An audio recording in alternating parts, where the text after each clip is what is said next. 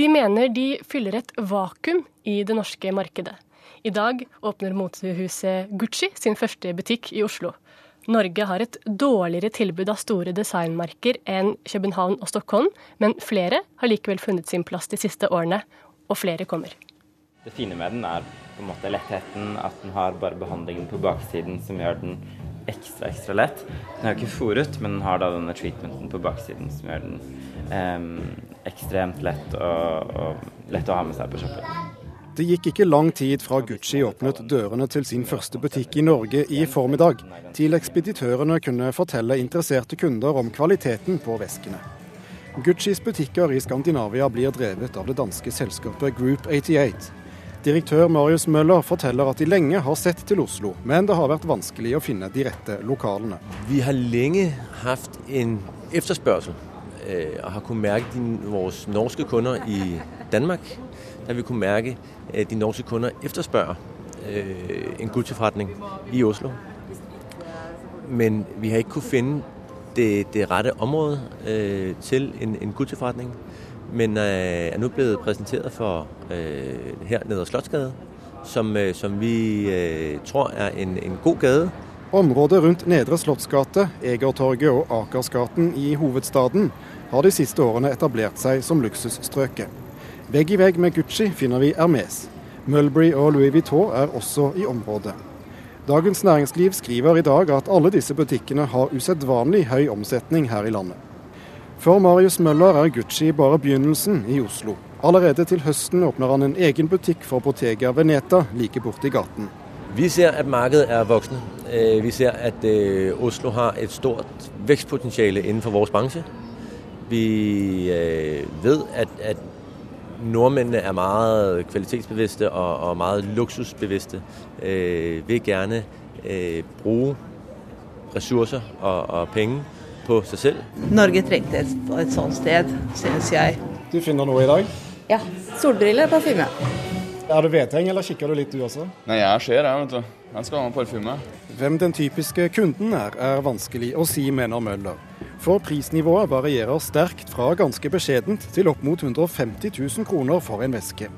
Han påpeker at det er en ganske annen opplevelse å handle i sin lokale butikk enn når man er på shopping i Paris og Milano og han får støtte for sin teori fra en av kundene som er vokst opp med å handle skinnprodukter hos Gucci i Firenze. Når du har det hjemme, da, da kan du ha forhold til firmaet. Det er noe annet, ikke sant. Da kan du se når nye kolleksjoner kommer, og så kan du vokse sammen med, med firmaer du liker. Og Gucci er absolutt firma jeg syns alle liker. Reporter i luksusstrøket var Thomas Alverstein Ove. Inger Merete Hobbelstad, kommentator og kritiker i Dagbladet. Denne uken stiller du følgende spørsmål i avisen din. Hva skjer når et gammelt motehus møter et nyrikt folk? Hva er det som skjer da? Eh, altså det jeg syns var interessant, det er jo at det er to bevegelser som på en måte møtes her. Det ene er jo at Norge blir eh, stadig rikere, nordmenn blir rikere, forbruket går opp. Og det andre er at det har skjedd en demokratisering i luksusbransjen. Altså at de er mer eh, vekstorientert enn før, de henvender seg til middelklassen, de er drevet av finansfolk og ikke, eh, kanskje ikke fageksperter, de er slått sammen i store konglomerater osv. Eh, og da får du nettopp sånne ting at Norge er et veldig gunstig land, eh, land for dem å etablere etablere seg i. Eh, og jeg tror jo kanskje ikke det var tilfeldig at eh, Louis Vuitton var det første av de virkelige luksusmerkene som etablerte seg i Norge. For Louis Vuitton er ofte sånn som appellerer til eh, folk som kanskje ikke har den fortroligheten med luksus fra før, for det har jo ikke vi, må vi jo kunne si. Og Louis Vuitton er jo veldig iøynefallende vesker. Det er veldig lett å se at dette er vesker som tilhører et, et bestemt merke. På hvilken måte det? De har en slags blomsterlogostoff som de bruker i mange av veskene sine og som gjør at det er ganske synlig at dette er en veske du har brukt, uh, brukt mye penger på. Og noe tilsvarende har jo noen av Gucci-veskene. Altså, de har dette veldig karakteristiske eh, mønsteret med doble g-er, de har bambushanker, mange av dem. De har dette bislet som kommer fra stallinspirasjon, som Gucci har, har brukt mye. Eh, og det er en sånn ting du har sett komme inn i luksusbransjen. Altså, det, I noen grad har det alltid vært der, men det har blitt mer og mer i de senere år. Og det har nok med å gjøre at det er folk som kjøper Vuitton og Gucci nå, som ikke ikke gjorde det før, og som ikke på en måte er vant til å eh, handle i de store mothusene. Og når de da bruker den summen på en veske, så er det for en del av dem et poeng å liksom vise at de faktisk har kjøpt en Gucci-veske, en Louis Vuitton-veske. Jeg husker f.eks. dette har skjedd med flere av de store mothusene. Louis Vuitton kanskje førte an. Jeg husker jeg var inne på Christian Dior eh, i Cannes, som jo er et sted da jeg var og dekket filmfestivalen der. Det er et sted for folk med relativt høylytte penger. Eh, og der var det umulig omtrent å finne en veske som ikke hadde bokstavene DIOR hengende ned i en sånn metallhempe fra, fra veskene. Men det er for, det er for moteferskingene, altså de riktige fasjonistene, de er fortsatt litt sub, mer subtile? Absolutt. Altså, du kan si at de veldig synlige logoene er Det ser du også et veldig sult etter logofisering da, i, i, uh, i de asiatiske landene. Altså Jevnt over så er nok det som jeg sier, liksom for folk som syns det er en veldig sånn sjeldenhet å kjøpe en slik veske, og som når de først bruker så mye penger, gjerne vil vise at de har det.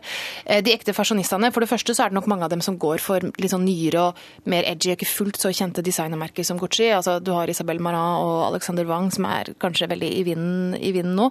Eh, og for det andre, så altså, du kan si at hvis man går for hvis det man primært er interessert i er design og kvalitet, så trenger man jo ikke de store doble G-ene. Da er det jo kanskje andre egenskaper ved en væske man eh, ser etter og setter pris på. Direktøren i reportasjen han sa, kunne ikke helt klart si hvem det var som ville handle hos ham. Har du noen idé om hvem som lar seg friste av Gucci?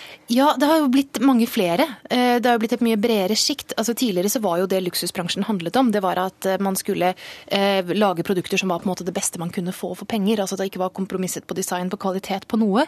Og produktene da, de kostet hva det kostet, og de, de henvendte seg til folk som kunne betale for det ypperste. Eh, noe som i stor grad ville være eh, kongelige filmstjerner, eh, kvinnelige, veldig velbemidlede kvinner, enten profesjonelt eller fordi de er en del av veldig rike, rike familier. Og det som har skjedd nå, særlig etter som sagt at, at bransjen også ble underlagt på en måte de samme kapitalistiske reglene om du vil, som vanlige merker, da. dvs. Si at man er orientert mot vekst, man er orientert mot å selge mer, så har man henvendt seg til en mye bredere kjøpegruppe. Og man har i noen av tilfellene også firt litt på kvaliteten. Altså Hermes er jo kjent for å være totalt kompromissløse fremdeles, men der begynner da altså veskene på 30 000 kroner i pris. Mange av de andre luksusmerkene har satt ut noe av eh, produksjonen til mer lavkostnadsland. Eh, og så har man store reklamekampanjer som går bredere ut.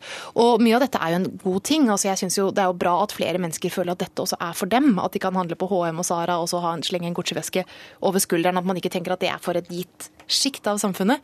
Eh, men det er ikke så veldig altruistisk motivert, tror jeg. Det er fordi man ser at her er det flere folk som er mulig å tjene penger på. Og med flere folk som da gjerne vil vise at de har en Gucci-veske eller en, en Louis Vuitton-veske, så er det kanskje fristende for produsenten å, å, smøre på med en svær logo? Endrer det designet på noen måte? Ja, altså som sagt, det er blitt flere altså Det du kan se med demokratiseringen, er at disse veskenes eh, funksjon som bling har blitt viktigere. Eh, at det er blitt flere vesker, sko osv. med veldig synlige logoer. Men altså, det eksisterer jo alltid en, en, side, en sidestrøm også av dette her. Og, og, når det er sagt, altså det er bare for at det ikke bare skal bli et spørsmål om logo, det er jo også et tydelig designelement fremdeles. Altså disse veskene til det være seg Gucci eller Chanel, de er fremdeles Du ser at det er godt design, det er svært god kvalitet til dem, og det er jo også Man betaler ikke bare for logoen, altså. Det er eh, helt klart andre gode egenskaper ved dem. Sånn vil det antageligvis være en stund eh, framover. Ingen Brete Hobbelstad, kommentator og kritiker i Dagbladet, takk for at du kom til Kulturnytt.